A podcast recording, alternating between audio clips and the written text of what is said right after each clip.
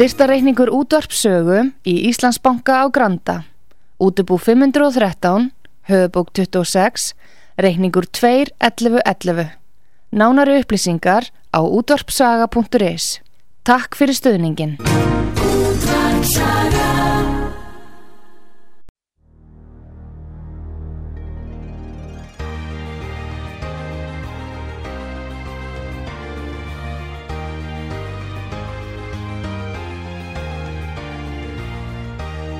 Heimsmálinn í umsjón Pétur Gunnlaugssonar. Fréttir og fréttatengt efni af Erlendum Vettvangi.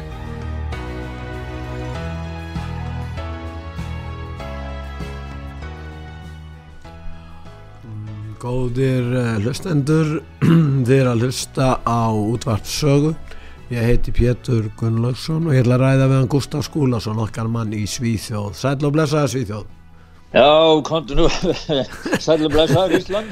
Ég, ég er svolítið hás núna og ég byrst velvinningar á því, ég get nú ekki stjórna því, ég reyna að gera þeim vel og ég get Gustaf minn. Já, já. Og hlustendur útvarpsögu, þið, þið verðið bara fyrirgefa mér þetta. Já, já, ég bara, það, það, það er gott að að þú, að þú haldir út og sérstu einhver sko. Já, já, einmitt. En heyrðu Gustaf minn, við Já. byrjum á hérna lofslagsvanni, en við ætlum að spila eitt lag, Santa Lucia, í lokin. Já, í lokin, og við ræðum þá eftir það er, Já. í sambandi við síðsöf líka ástandi hérna sko. Já, Já, heyrðu, já, lofslagsváin, Já. það var grein á, á heimasíðu sögu um uh, viðtal við breska eðlisfræðingin Brian Catt já, í, á, á, í breska Talk TV og, og það er myndband með honum, það er svona þessi mál.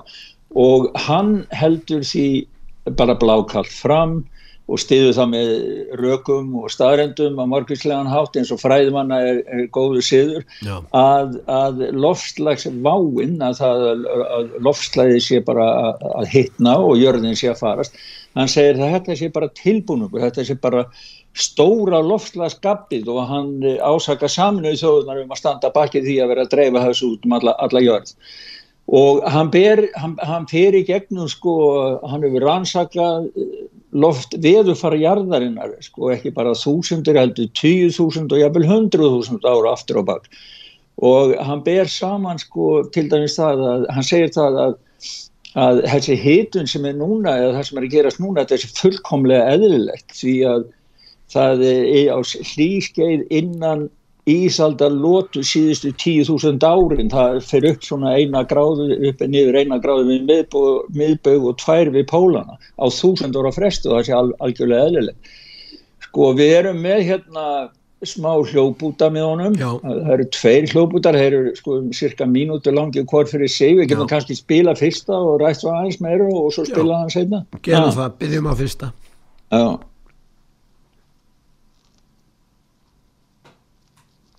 Já, við erum að býða, býða eftir þessu hljóðbút með honum eh, Brian Catt, en hann er ellisfræðingur breskur. Og þetta er já 55 mínútna. Og við skulum byrja Nei, nei, 55 sekundna Sekúndna segi ég, já. já, ef hann- 0,5. ef hann kemur. Hann kemur núna. We all accept we're in a period of global warming, but a lot of people are panicking, aren't they? Um, Yes. are they right to panic? No, they they should relax, basically, simply because if they were to go and look at the natural history of the Earth, which has all been unravelled since these climate myths were created by the UN, they'd find that actually what is happening now is almost totally normal. And the Earth, but for the last 10,000 years, which is a short warm period within an ice age cycle, it goes up and down about a degree at the equator, two degrees at the poles, about every thousand years and it's perfectly normal. And the rate of rise now, before people start, obviously people might phone in with this one, the rate of rise is not unusual either. It's about one degree in a century, and it goes up and down while it's, it can go up and down a degree while it's doing that. Yes. And that's a global average over 30 years. It's not the weather. Já, hann er að leggja áherslu á svona uh, sögulegt mat hann uh, leggur áherslu á það að uh, í staðan fyrir að byggja á kenningum til dæmis saminu þjóðana eða það sem er að gerast að lofslagsbreytingarnar séu engöngu að mannavöldum hvað segir nú þetta? Já, já, hann, hann, hann, hann segir það og þetta var nú svona svipað í samhandur og ég var að segja sko að, að, að það sé einn gráða upp og niður við miðböðu tvær gráður upp og niður við pólana Já. á, á 10.000 ára tímabili. Og hann segir það sko að, að farum maður lengra aftur í mannkynnssöguna þannig að það fyrir 130 árum þá var hitin 6 gráðan hlýrið þá voru flóðhestur og fílar á sama svæð og Thames í London í dag. Já. og þetta er náttúrulega saga, segir hann og þá var til fólk og við erum hitabelti stefn segir hann sko. En hann er að segja það sko að það er þetta sé uh, algjörlega sko hitin í dag sé í raun og veru ekki meira heldur en ein gráða yfir því kaldast undanferðin tíu ár við ættum kannski að hlusta á hérna hinn Já, hljóðbjörn gerum það.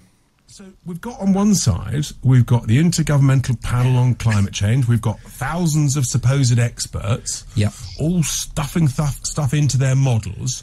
Why are they wrong? Well, because their presumptions that they feed into their models are wrong. And I think we talked briefly about this. It's called GIGO, garbage in, garbage out. That's the point. So, in a sense, you think that people are panicking unnecessarily, and we've been warming now for the last sort of 150 years or Yep, so, yep. give or take, since about 1850. There's something interesting about that, that period, isn't it? Tell, tell us about that because why do they choose that point? Well, oh, that's because it's the lowest point. We are at one degree above the coldest it's been in the last 10,000 years, which Just let's just repeat that. I mean, that's remarkable. And the other remarkable thing is it's two degrees cooler than the warmest it's been in the last eight, 10,000 years, which So- is the Egyptian and the Minoan period.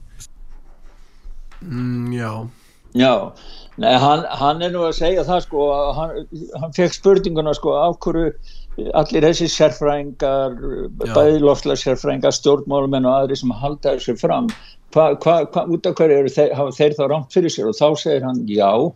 Og hann bendir á það að þessi líkun sem að, sem að e, hafa verið notuð, hann segir sko við köllum það guy go sagðan á ennsku sko, garbage in, garbage out. Það myndi að vera rú á íslensku eða, eða rú hvað, ruslinn og og rusl út. ruslút, já, Ha. já, já, já.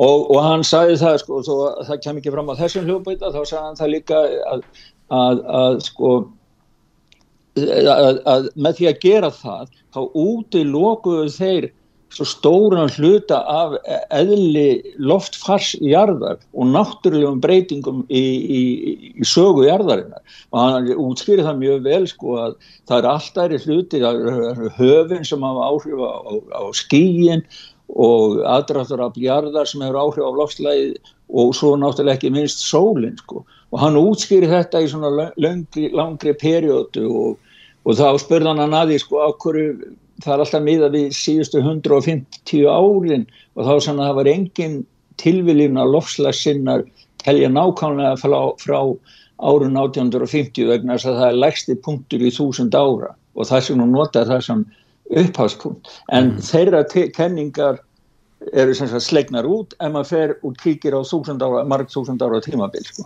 Óþarfa vænting, segir hann. Já, já, alveg gjössan það er engin ástæða hvorki fyrir fullorðan er börn af að neinar áhyggjur það séu mjög litlar og raunulega bara eðlilegar forsendur fyrir lofslagsbreytingunum sem er að gerast og ma maðurinn þetta sé ekkert að manna völdun þetta sé náttúrulegt þessar kenningar hafa gífulega áhrif. Á sínum tíma hafa verið útrýma bændum á marsískum grundvelli og byggðar á kenningum marsista og Stalins og Mao Zedong. Mm, Týjir miljóna manna drefnir. Úkraina var nú eitt fórnalambið.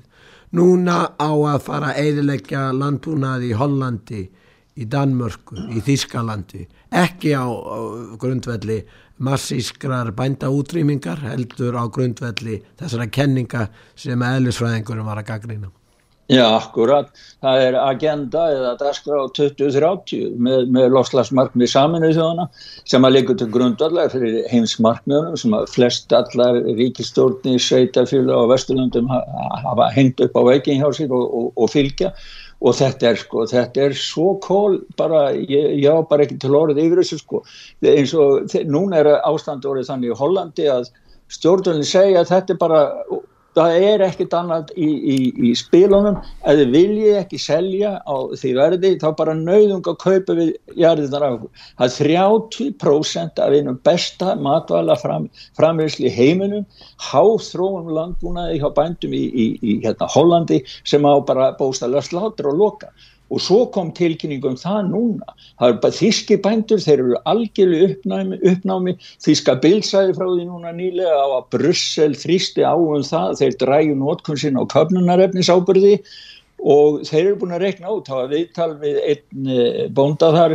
sem að, eða formað varaformar Erik Gussum bandasamtækana hann segir að banda, banda í síu uppnami og ösku villir ef hveiti akkur þarf 200 kíló ábörði til að fá hámars uppskeru þá neðast bændi núna til að nota 40 kíló minna, það er 20% niðurskur það þýðir að uppskina fellur og gæði hveitisins rýrna. Þetta er nákvæmlega sami hlutum og þeir gerðu í Sri Lanka þar sem að uppreysning var gerð gafgart ríkisvaldinu þar.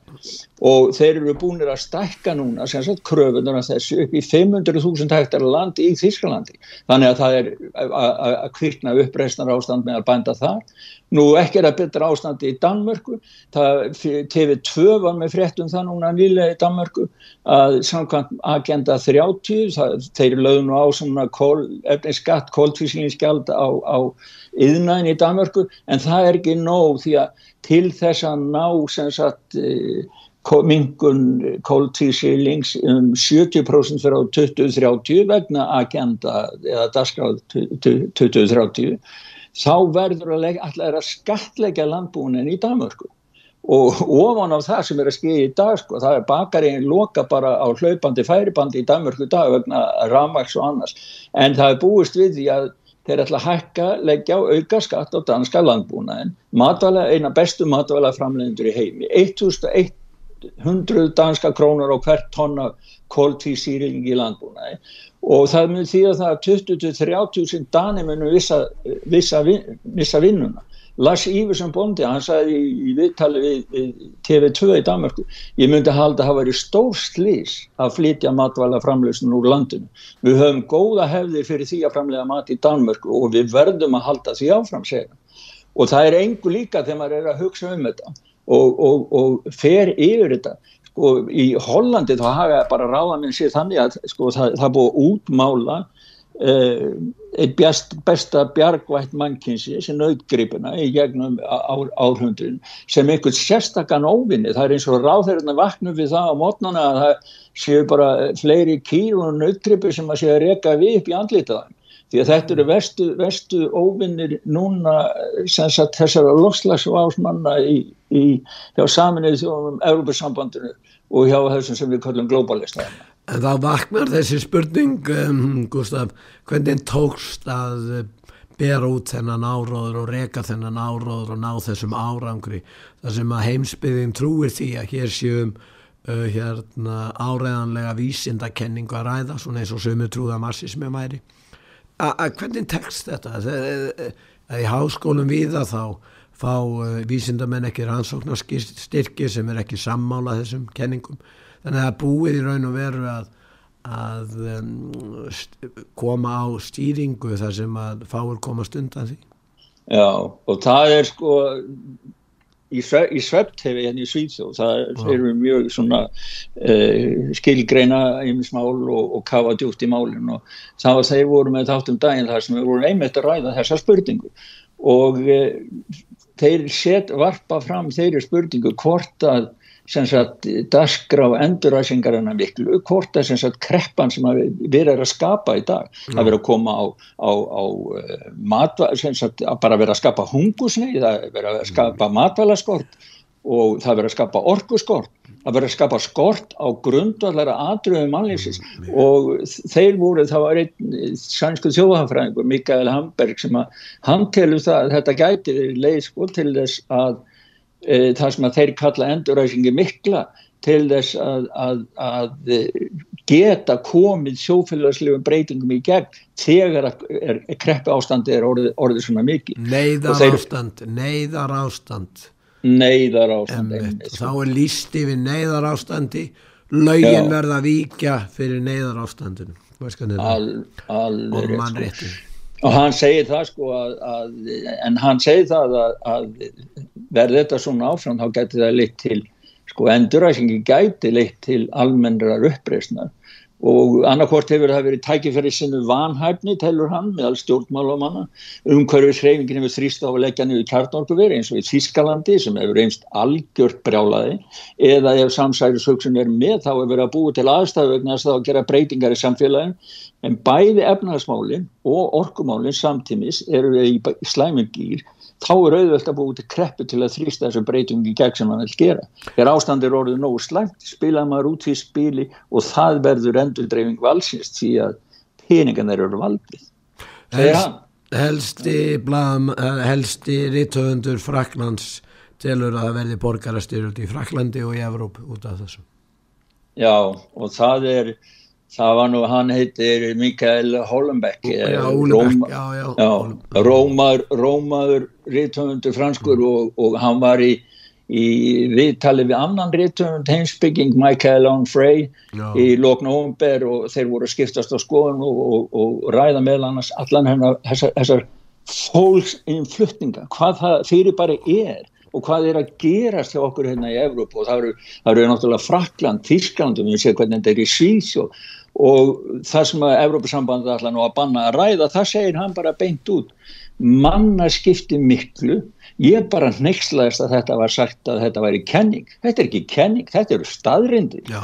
þegar ég kemur á inflindamálum þá ræður engin einu þegar allir vandin Evrópa mun sópa spurtu þessu stórstlýsi hann segir að þessi hömlulöysi inflendingur sé stórstlýs sem að muni eins og hann kallar að Evrópa muni sópa spurt. Mannaskiptin á Íslandi taka líklega svona 15 ár með að við fólksflutningarna til Íslands núna og litla Ísland hugsaði að við munum eftir svona 15 ár sjá hér mannaskipti þannig að það verður komin að þeim mörgum að helmingur, já, ef við segjum 15-20 ár kannski til að vera örg og því.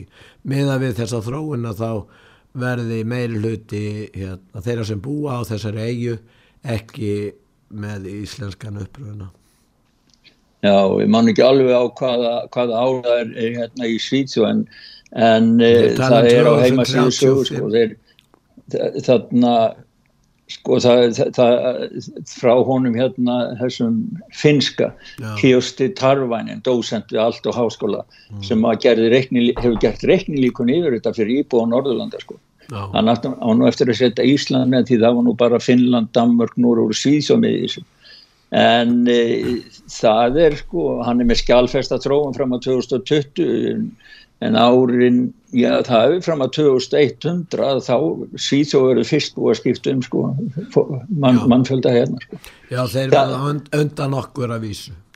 Já og það, sko það, þegar við sem að skipta út þá er þeirra orðið meiri hluti sem sagt inflytjendu miða við, við innfættar sko. Já Það svona... og það er, það er þegar orðið svolítið sett í maður já. já. já, já, það verður þannig. En það er líka aðdeglisverst að alþjóðlegar stopnarnir eins og alþjóða heilbríðsmálastofnunin hún ætlar að fá bindandi stöðla því að gerðu verið bindandi alþjóðasamningur um framsal á fullveldi í heilbríðsmál Já, við höfum um framsal á framsal þjóða á, á hérna fullveldi þjóða til til eh, alþjóða helbriðsmálastofnunum. Það er ótrúlegt að og þá geta þeir í rauninu verið ákveðið það hvernig sjóðríkið eh, stendur að eh, vörnum, hérna, sóttvörnum og bara öðrum heilbriðismálum.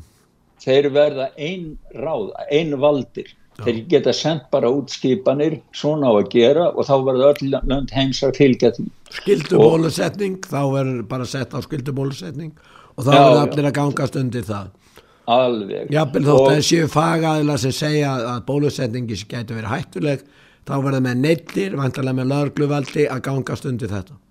Já, og svo náttúrulega sko refsing og annað fyrir Já. þá sem ekki gera það sko. Þa, það, er, sko, það er alveg ótrúlega þeir halda þessu áfram og, og ég var nú svo, við fáum nú svo sendt til okkar á útarfið sögu alls konar efni frá alls konar fólki og það er bara að þakka fyrir það og það barst frá einum slíkum aðila sem sagt uh, rít dokument frá innra dokument sem hefur leikið út frá uh, sem sagt alþjóða heilbyrði stofnunum sem þeir eru einmitt að ræða hvernig þeir ætla að fara aðeins og þetta er framhaldið af því. Það voru, það voru uh, þjóðarhauðingar þjóðabandala, fullveldis bandala ríka í söður Afríku sem stoppaði þetta núna í, í haust en þeir halda áfram. Þeir alla, allþjóða helbyrði stofnun heldur áfram. Mm. þeir alla ekki að gefa sig fyrir að þeir hefðu búið að samþykja og gera þetta bindandu hvað allar Ísland að gera, hvað allar Svíþjóð að gera? Ég hugsa Svíþjóð skriði undir þetta. Það er, það er engar umræður um þetta aðrið Svíjar eru sko, Svíjar eru voðalega svona allavega fyrirvenandi ríkistjórn, það voru nú umræður hérna í stjórnmála umræðu formanna hérna í kjarkvöldi í sjónvarpunni en, en allavega fyrirvenandi ríkistjórn hefur verið og líka þessi núna þeir, þeir eldast í hlaupa eftir Európa-sambands eh, fyrirmælum og mm. búalega veiki fyrir stofnunum eins og saminuð tjónum og öllu þessu alþjóðlega Fá Svíþjóðademokrater einhverju ráðið?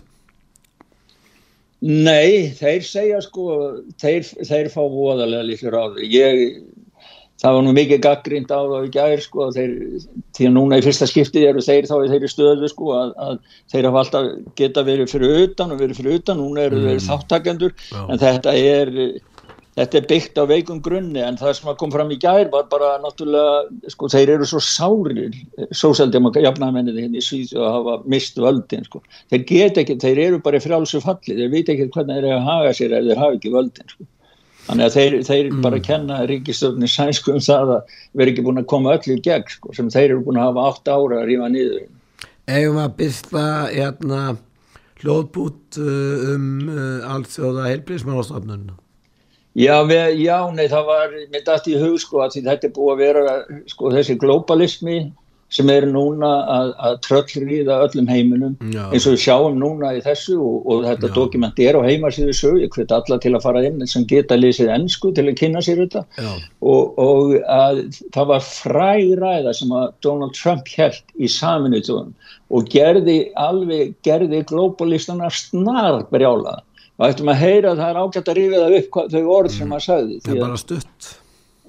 We will never surrender America's sovereignty to an unelected, unaccountable global bureaucracy. America is governed by Americans. We reject the ideology of globalism and we embrace the doctrine of patriotism. Around the world, responsible nations must defend against threats to sovereignty, not just from global governments, but also from other new forms of coercion and domination. Já, hann sagði að þeir myndu aldrei bandaríkja menn uh, framselja fullveldi til alltjóðleira stofnara afdráttalöst Já, hann, hann, hann sagði það sko og hann, hann var að við og það var ekki bara, hann sagði að það var líka til nýra stopnana, hann afgreindaði ekki en ég held að hann hafi átt við World Economic Forum sko. þeir eruð alveg brjálaður út í hann fyrir að, að segja þessu orð á þessum stað sko, En samt byggja saminu þjóðnar á fullveldi þjóðana grundvallar atriði þegar þeir eh, saminu þjóðnar voru stopnaðar það var að byggja á, á þjóð, þjóðríkjum og fullveldi þjóðríkja og samstarfi þeirra. Nú er einlega horfið frá því nú eiga þjóðríkin að framselja þetta fullveldi sitt til alþjóðlega stopnana og stefna einhverju alheimsríki. Já, einmitt sko. Og maður sér það í sambandi við sko hvaða hræðilegar afleðingar þetta getur haft. Við höfum nú rætt um mannstu við rættum það síðast. Og við segja frá því hugmynd eins, eins aðilega sem ætla að stopna blóðbanka fyrir fólk sem ekki væri með og sprautað, sprautað bólusett blóð. Já. og það er komið upp alveg svakalegt mál í, í nýja sjálandi núna Það, var, það voru hjón sem voru með fjögra mánu að gammalt badd sem að þurfti að fara í hjartaði gerð mm. og þau báðum það að, að, að fengi blóð úr sagt, sem, blóð frá blóðgjöfum sem ekki hefur verið bólusett. Þeir vildu bara betri umönnun fyrir barnið sitt í raun og veru. Já, já, betra einmitt, sem að þeirra mati var betra sko já. og þá var þeim bara sagt að þeir höfðu engan valkost með það og þá útöðu sér sem sagt sjálf blóðgjafa sem, og, og, og letu nöfnum Já. það inn til yfirvalda Já. en það var bara, þeim var bara sagt að það, það væri ekkit á þeirra ákvörðun, þeir, þeir verði bara treysta yfirvöldum, mm. því yfirvöld það sem yfirvöld gerði þá væri bara öruglega rétt og gott mm. en, en Þannig að þau voru búin útvega blóð sem var ekki mengað af öðrum bólefn Já, þau voru búin að finna blóðgjáða sem ekki voru bólusettir sem voru reyðbúin að gefa blóð til þess að fara í þessa skurðaðgerð, það var einhver hjartaðgerð á, á, á, á litla síni þeirra fjara mánu á gann og síðan er að koma frétti núna sko, ég hef bara ekki náða, að lesa alls saman, ég skist að það hafa verið mótmæli fyrir utan þinghúsi hundra manns handteknir vegna út af þessu máli og Já. við erum með smá hljóput þar sem að, að laurreglan kemur inn því að heilbriðis yfir vel tau í stað fyrir að verða við óskónum eða semja við foreldrana þá kærðu þau Já. og fengu dómskurð um það dómsúrskurð um það að forsjá barsins ætti að vera höndum heilbriðis yfir valda en ekki foreldrana á, þar til að hjarta aðgerina væri lokið og þeir sendu lauruglu inn á sjúgrási þar sem að fóröldar voru með börnum, við erum með smá hljóðbútum það, akkurat það augnabli Það er svo með heyra. Hey, you, you know we're talking about the surgery. You guys are criminals, you are criminals, you are conducting a criminal act here. So with the pre-op check, it needs to happen before the surgery, hey, it won't happen tomorrow. We've been talking to you like rational people and now you're just removed, you, you got it You are criminals. You... Oh my god! How can you do this? Já. Ná, þetta er alveg svo að tala. Er þetta velferðaríki Nýjásjáland? Þetta er velferðaríki Nýjásjáland. Í, í undir stjórn frjálslindu konunar, er það ekki?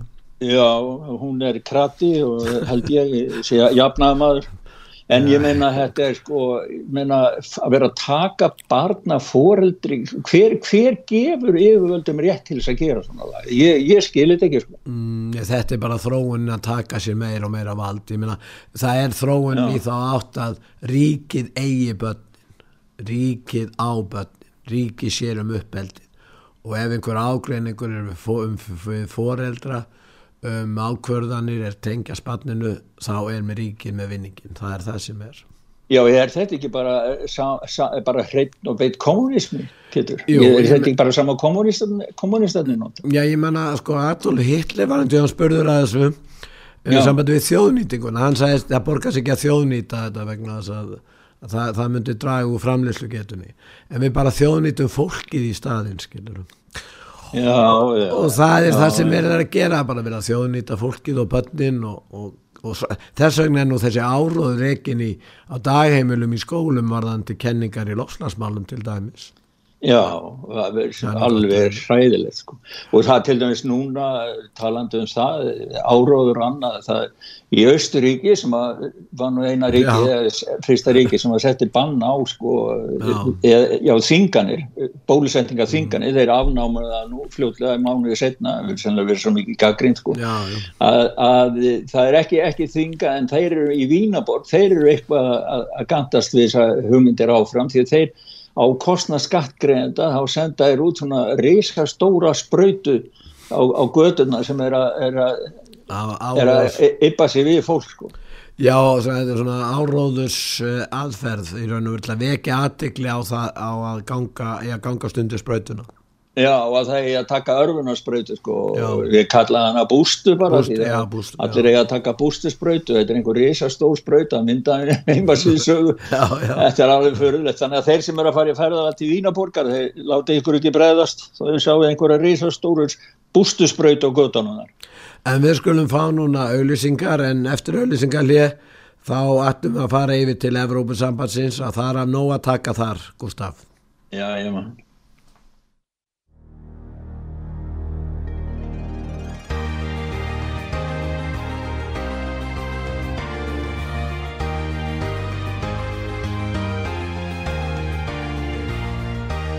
Heimsmálinn í umsjón Pétur Gunnlaugssonar.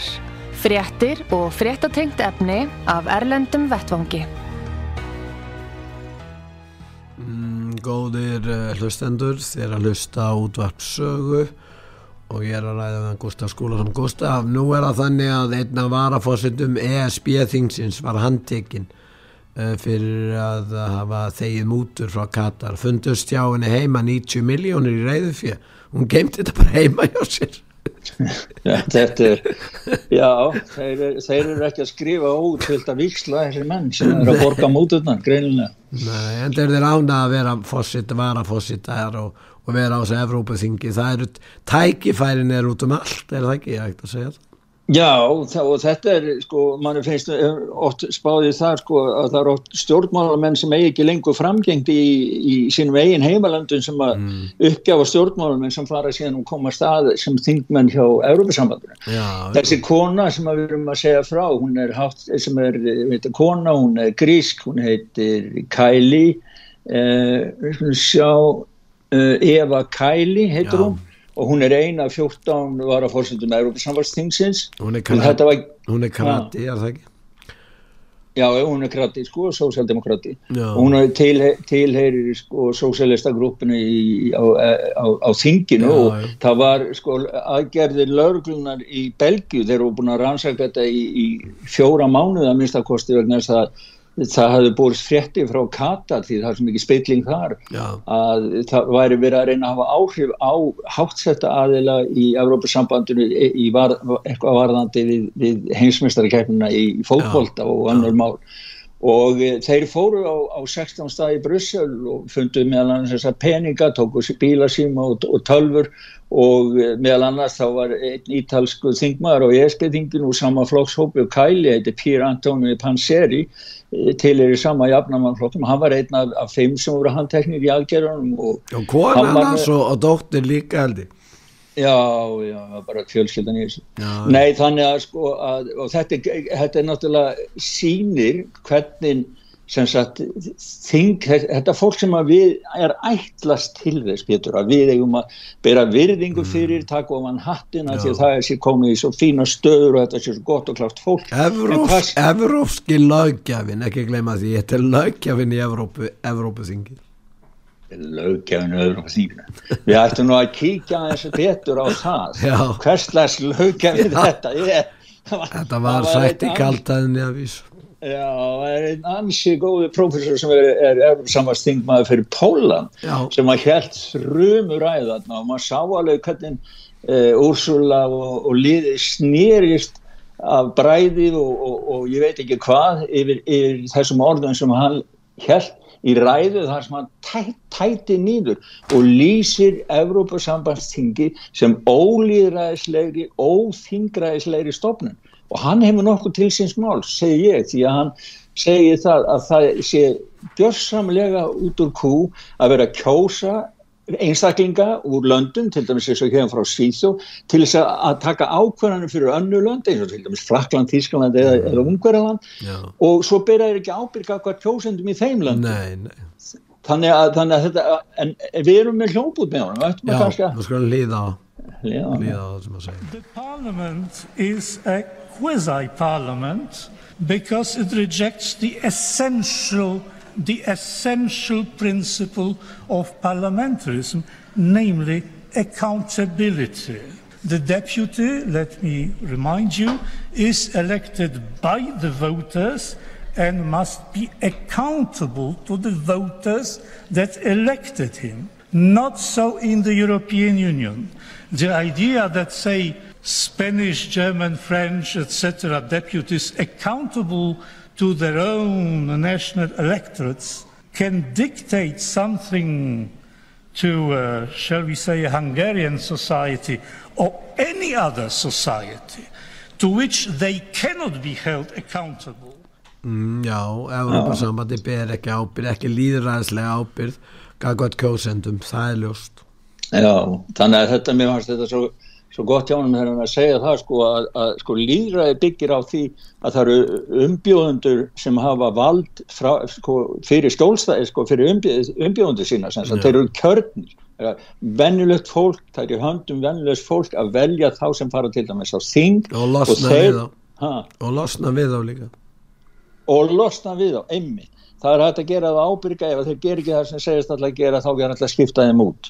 En þetta er sko þarna í á Európsamstinginu þá eru þeir að hafa áhrif á lönd sem ekki hafa kosið á og bera enga ábyrð, ábyrð fyrir sem geta haft til Ungariland getur ekki skipt út Európsamstingmannum í öðru landum til dæmis, ungarski kjósendur. Þannig að, að Nei, þetta var svona En það sem er aðteglisverst að uh, þingið, ESB-þingið hefur í raun og verið svo lítil völd. Ef þeir vilja uh, láta fórstjóra Pfizer uh, hérna bera vittni fyrir þinginu. Eins og þeir eru óskað eftir Albert Búrla, hérna fórstjóri Pfizer sem verið kallaður til sem Já, vittni í já. alvarlegu máli. Heyrðu þá neita hann bara að bera vittni og engi gerir neitt. Já, hvað hva er að gera? Þeir get ekki send, þeir er að senda herin á hann handtakan og leiða hann í játnum fyrir þingi, nei, En gera það er saksóknari líka að rannsaka þetta mál. Hvernig samið, hvernig Ursula von der Leyen samdi við þannan fórstjóra Pfizers á leið á, í bifreið sinni limósínu með síman í höndunum og þar samþyktu þau þetta. Og, og hann fæst ekki til þess að bera vittni í málum Já, og það, sko, það, þetta er náttúrulega algjört, sko, það, þetta, er bara, þetta er bara gróf sniðganga við eh, bara siðferði, skilur að maður á náttúrulega, hann á náttúrulega að verða við slíkri ósk og kom og segja frá, en það er greinlegt að þau hafa hann er að leina einhverju, hann Ha. vill ekki segja sannleika en Nei, ekki ung, segja ungverjar hafa ennþá neitunumvald og geta beitt neitunumvaldi og þeir eru ekki vinsælir. Spurningin hvað gera þeir við ungverjana? Reka þeir þá úr Já, eða þá, sko, núna alltaf er samt sem áður, það voru öll önnur lönd nema Ungurland, Ungurland beitti neitunum aldrei til þess að stoppa þessa 18 miljardar efri skuldsetningu vegna Úgrænu sem við höfum rætt um. Og, og hérna en þá bara alltaf er samt sem áður að borga, þá breyta þið bara tæknilega og segja þetta sé ekki Evrópusambandi, heldur þetta sé ábyrg hvers og einstaks ríkis sem það hefði átt að vera hvort þið var en í nafni Evrópusambandsins, því að þetta átt að fara eru svona skrif í átt að því að gera fjárlög allra aðeldaríkjana að fjárlögum Evrópusambandsins. En núna segja þið bara já, all right en svo geta þið farið tilbaka og svo ef að Ungarland myndi skipta um skoðun þá geta þið farið tilbaka og sagt já þetta er Evrópusambands ákvörðun en, en, en, en þeir, sko, þeir, þeir keira bara sitt reis þeir bara keira sitt og borga peningana enga, enga síður sko. og svo er annað, þeir kannski er, hefur mikið verið rætt um það að breyta þessu að lönd geta haft neitunum Já. þeir kannski koma með reglunum um það að það er Já. að kjósa eftir fjölda og þá þýðir ekki neitt, þá er málið búið sko. þá er það bara Þýskaland og Frakland sem stjórn öll eins og þeir hafi raun og verið gert allan tíman meirið að minna sko. Já. En uh, það eru fleiri lönd ríki sem uh, beita neitunum Östuríki stöðvar ingöngu Rúmeni og Búlgari í Schengen og segir að þessi tómir glæpa minn þarna í raun og veru, já já, það er nú kannski ekki fallið til að segja það en, en þeir segja hreinlega að það sé ekki hægt að treysta Rúmeni og Búlgari að verða hluti af Schengen samkomulæginu vegna þess að þá munu glæpa hóparnir streymin í Evrópu. Hvað segir þetta? Já, með er, já. er í lægi af Östuríki að tala svona hvernig er þetta? Já, góð spurning Pétur, ég hérna sko þeir greinilega hugsa sjálfstætt í þessum málum og taka eigin, eigin, eigin ákvörðun Já. og hún var, þú hefur átt að heyra hana hérna, sænsku hérna sem að er yfirmaður yfir innflytjandamálunum og Schengen í Európa sambandin, komissionerin hérna, sænsku sósjaldemokrati Var- hún var láfið og hún gréti fyrir fram að Út af- því að Östuríki skildi hafa gert þetta Já, því já, það var bara, bara ég held að veri Króatia sem var tekin inn í Schengen það voru þrjúland sem hefur sótt um sko. við bæði Svíþjóð og Ísland er í Schengen og við segjum bara takk fyrir Östuríki, ef ekki að segja það bara. jú, alveg öruglega sko. Alveg öruglega alveg öruglega Nei, það er gott að einhver, einhverju þóri að standa upp og ég meina þeir eru náttúrulega fyrst og fremst að verja bara Östuríki sko, því að þeir vilja ekkit vera að hleypa alls konar fólki þar inn sko.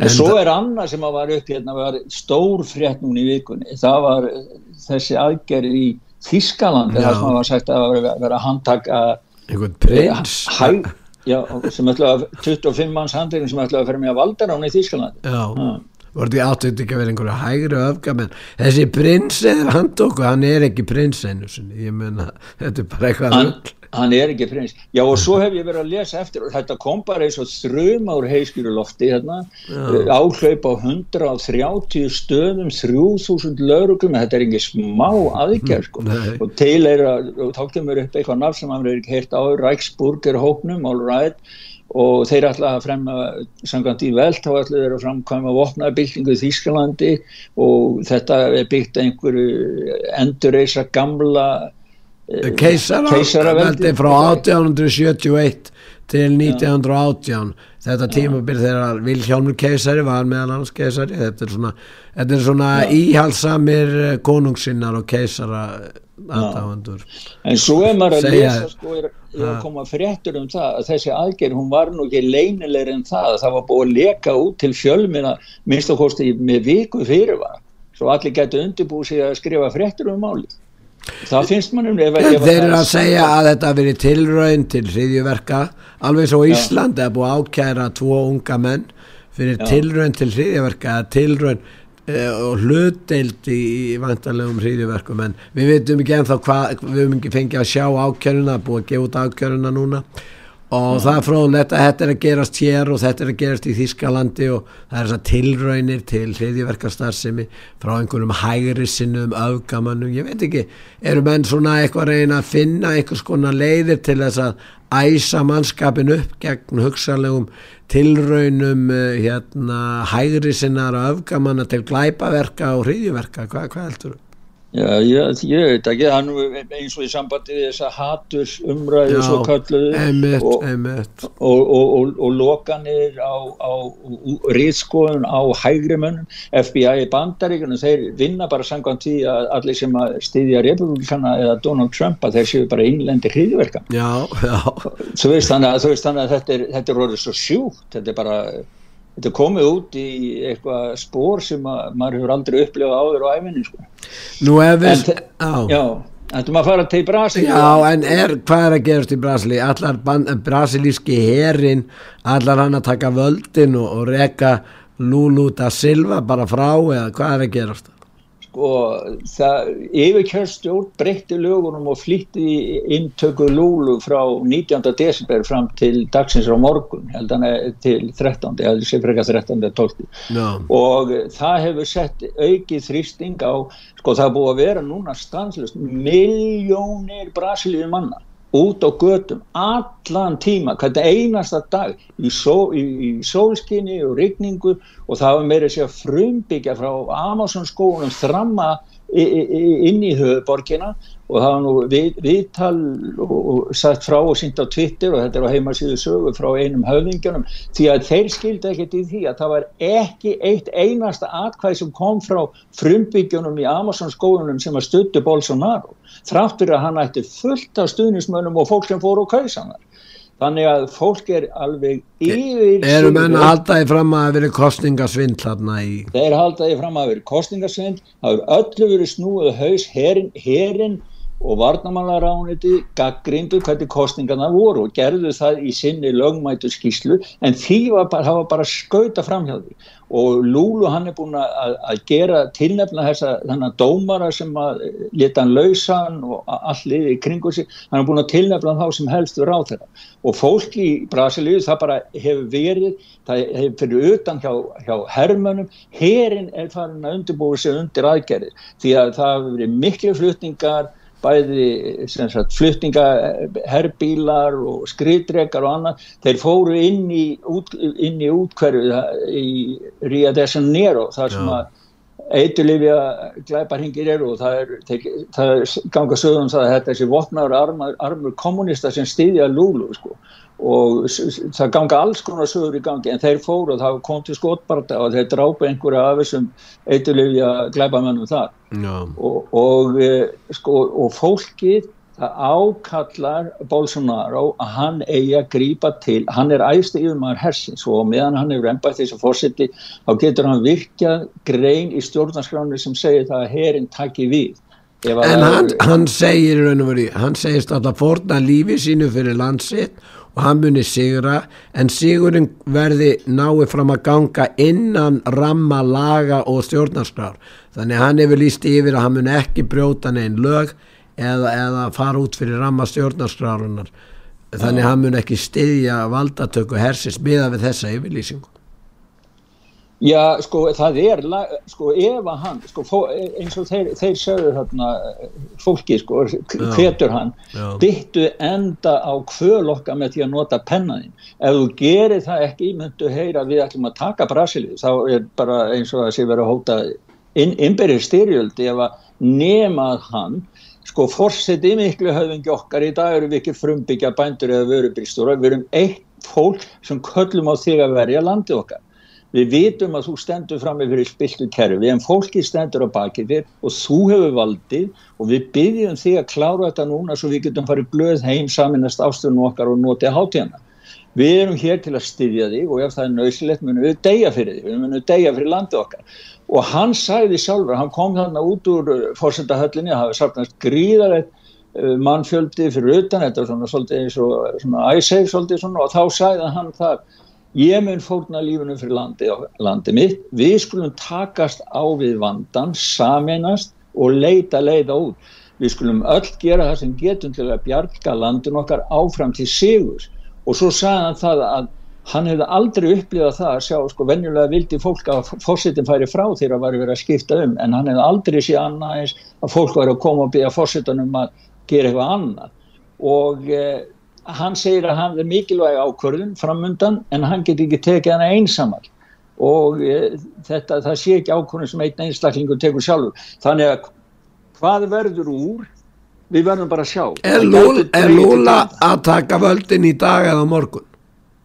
sko, hann, ég mér skilst að þeir hafi flutt að það sé á morgun að það sé Já. sko þeir hafi flutt yfir kjörstofnin breytti lögum. Já, það verður að setja inn í ennbættið fósitt ennbættið á morgun. Já, sennilega á morgun. Já, þá er náttúrulega spurningi hvort það gerist eitthvað í dag eða í nótt.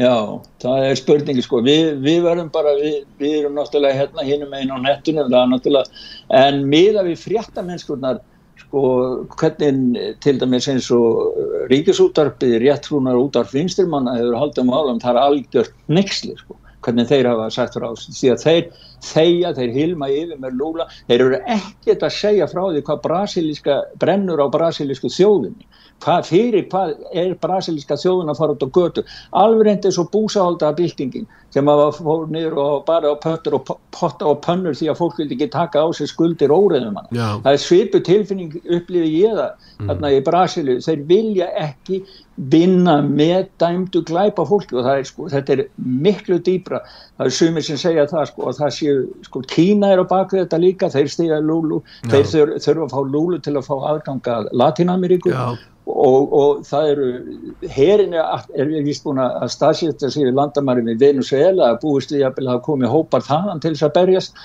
Þannig að það er sko, þetta er sko fréttamennskan hjá Rúf það er bara hengja hana sem róð upp á vegg og, og bara til auksjón allra sko. Þetta, þeir vinn ekki blaða mennsku frekar en ég veit ekki hvað. Þeir með að skamma sín á ríkisútvarpinu á Íslandi fyrir það að ljúa íslensku þjóðunum það sem er að gerast í Brasil segja ég. Nú ef við förum til Ameríku þá hérna þá er Elon Musk búin að uh, koma fram eða komið fram með þær upplýsingar um, um það að bandaríska alríkislöglan starfaði með Twitter stjórnendum fyrir kostingarnar í bandaríkjunum 2020 og fórstakostingarn þannig að, að þannig er allt í einu ríkistofnun fann að starfa með engaðlum sem að unnu gegn þáverandi fórsetta bandaríkjana þetta likur fyrir, þetta er ekki delt um að þetta hafi átt sín stað. Það er eins og er spurningin hvort að menn geti byrst þetta eða afneita þessu Já, Elon Musk er nú döglur, hann er alltaf að koma með meir og meira upplýsingar og það, það hann, hann sneiðir að sko, bæði fátt síð, það er alls konar fólk sem að færa, færa að finna fyrir því núna þegar að koma upplýsingar um þetta. Og Hillary Clinton færi sína sleið, hún fekk það að katholskur biskupöðna sem að hundskamaði Hillary Clinton og e, svo er annað sem er að skilja núna í sambandi við þessi fangaskipti sem að sko kvítahúsi þeir haga sér eins og ég veit bara ekki hvað sko, þeir eru í þessu klímat eða loftslagsbrjálaði er að borga rannsóknir e, til þess að draga fyrir sólu og svona bara geðvikisverkefni sko. En nýlega þá skiptuður um þessa, þessa, þessa, þessa fanga, það var nú í frettum vikuna núna vikt á bút allrandu vopnarsalli sem að þeir letu til Úslands og fengu körfubóttaleikuna Britney, Britney Green er tilbaka. Hún var tekinn först fyrir, fyrir eitulífasmygg mm. hún, hún e, neyir sér ekki eða, eða fyrir bandaríska fánunum hún er á móti bandaríkanum en hún er körfubóttastjarnar svört körfubóttastjarnar litum, litum manneska og, og hana vildi bætin freka að fá tilbaka heldur en landgangulega sem sem að getur vinnu fyrir þá og fórna lífið sinu fyrir bandarísku þjóðin En ef við að heyra, hann er nú kallaður kaupmaður döðans, þessi Viktor Bút, að Já. hann, hann hefur nú aldrei viðurkent að hann vísu vopnaðan, hriðjverka hópa, hann var alltaf hefur hann gert af hugssjón ástæðum, en við skulum segja, hann virðist vera að fara að tala eins og hugssjónum að núna, ef að hlusta á hann. Já, Já, was very easy to deal with. He has no problem with Russia, and he was curious about Russia, despite all propaganda. They're losing their Christian values. They're losing their families. They're losing literally their countries. It's not anymore the same country. We knew America, who used to be a model for entire world and lead and be an example. You know, like they say, a shiny town on the, you know, sparkling town on a hill. já, já, ég veit að það minnir mér bara á hérna Guðfæðurinn sko.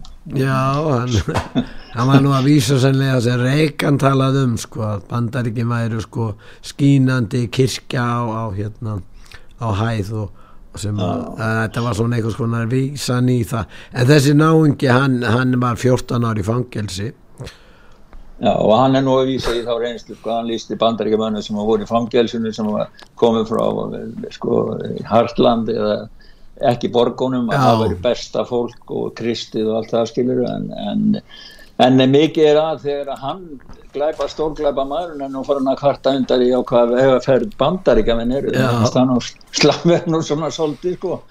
Þá er nú eitthvað meira, en lítið að en svo í sambandi við hérna skal ég segja þetta ástand sem er ekki Jens Stoltenberg Já, NATO það það er svakalega sko við Já. ætlum að hlusta á við verðum að hlusta á Stoltenberg. Jens hann óttast stórstyrjald millir Úslands og NATO Jens Stoltenberg, hyggelig å ha deg her. Du leder verdens største forsvarsallianse. I en tid hvor veldig mye står på spill for fred og demokrati, den skumleste tida i Europa siden andre verdenskrig, hvordan kjenner du vekta av det på skuldrene dine? Jeg kjenner et veldig alvor, og så kjenner jeg at det er en skjebnetid for uh, Europa, dermed også for uh, Norge. Og uh, hvis ting går galt, så kan det gå fryktelig galt. Det er en forferdelig krig i Ukraina, men det er jo også en krig som kan bli en storkrig mellom Nato og Russland. Og eh, vi jobber hver dag med å unngå at nettopp det skjer. Já, Mm, þetta er svakalegt sko. Þetta var núna förstu daginn, hann var í Vítali hjá uh, það er einhver þáttur uh, með Lindmó kona sem heitir Lindmó Norsk og er með þátt í sjónvarpinu og hann var það, gestur hennar þar og, og þetta er bara þetta, þetta var heimsfrétt sko um leið og hann sagði þetta sko. Yfirmaður- En, ha. við, verðum að fara til Svíþjóða núna bara strax og ég vil nú Já. ræðum fréttina varðandi það að það ákveðin skóli lætur undan kröfum múslima og bannar kristið innihald lúsíuháttíðarinnar þetta sló mig mjög þessi grein og maður geta farið inn á útvarsaga.is og séð þetta en það er þetta hefð fyrir lúsíuháttíðinni ekki auðvitað náttúrulega í Svíþjóð það en líka hér á Íslandi og, og, og hún var það var meira að einn dagur 13. desember er helgaður henni það er messudagur hennar Já, það er nú á morgun sko Já. og morgun hafa nú búið að vera Nobelveislega hérna núna og það er alltaf maður veit að Lucian er komin því að sjónvarpið sýnir alltaf þegar að þegar að krakkar fara í svona Lucy-lest og, og, og banka upp á hjá Nobelsverlun og hö, hö, þeir sem hafa fengið Nó- Nobelsverlunin já, og ko- koma færandi ljós og syngja og það eru sem sagt stjörnustrákar, pipakökukarlar, lúsíur og jólasveina sem eru með í þessari lest sem ganga í þessu, en það var í Mariehem skólanum í Umu og, það voru, sko, það voru 40 börn aldrei 7-10 ára sem taka þátt í lúsílestinni, en það var það breyta, skólinn breyti og tekur burtu allt sem hefur með kristni eh, að gera í sambandi við lúsí þannig að það má ekki tala um jólin það má ekki vera með sem sagt, neitt sem hefur með guð eða kristnihald eða jólahald að gera. Og það er vegna þess að foreldra múslimskra barna í fyrra þá bönnuðu þeim sínu, sínu börnum að vera með vegna þess að þetta væri kristin sem sagt kristinhátti og tengdist jólum. Og skólinn sem sagt gaf sig og núna eiga bara eiga krakkanir þá að vera kynlaust þannig að það getur bæði verið strákur og stelpa þá sem er Lucian og svo eiga bara fólk að vera með eitthvað skraut og bara tala um ljósi, syngjum ljósi en ekkert að búið að taka innihald jólana í burti og þeir segja það, þeir völdu það sjálfur Við höfum ekki tíma til að ræða um ramagsástandið á söður í Svíþjóð sem er alveg förðulegt og Svíþjóð sem var eitt öflugasta ramags uh, og orku uh, þjóðsfélag í, í Evrópu er ekki lengur sjálfur sér nægt um raforku en voru með vassafsvirkjanir og kjarnorku veru og annað og þetta er náttúrulega harmulegt sjá hver nignunin geti átt uh, gerst hratt. En við skulum að lokum hlusta einmitt á jólasöng um Santa Lucia með tónlistakór Adolf Fridrikskirkju í Stokkólmi við skulum enda Já. á því, mér finnst það rétt og, og tilliðilegt Já, það er tilhlýðilegt, já, það er sorglegt og það, þetta sem er að skeið í umi og það, þeir hafa líka í Suðursvíts og eins og út af sá hefur áður skrifað um þá hafa þeir ákveð að leggja niður bara einfallega lúsið hátíðina á þessum sveitafélum í Suðursvíts þannig að þetta er, þetta er mjög dökk þróun. Það er verið að íta ljósin í burtu með þessari þróun. Þannig að það er mjög gott að hlusta á lúsið svengin Sant, Santa Lucia, heilaga Lucia Já, það er mikið dýr, dýrlingur. Já, sjálfsögðu, takk að ég fyrir Takk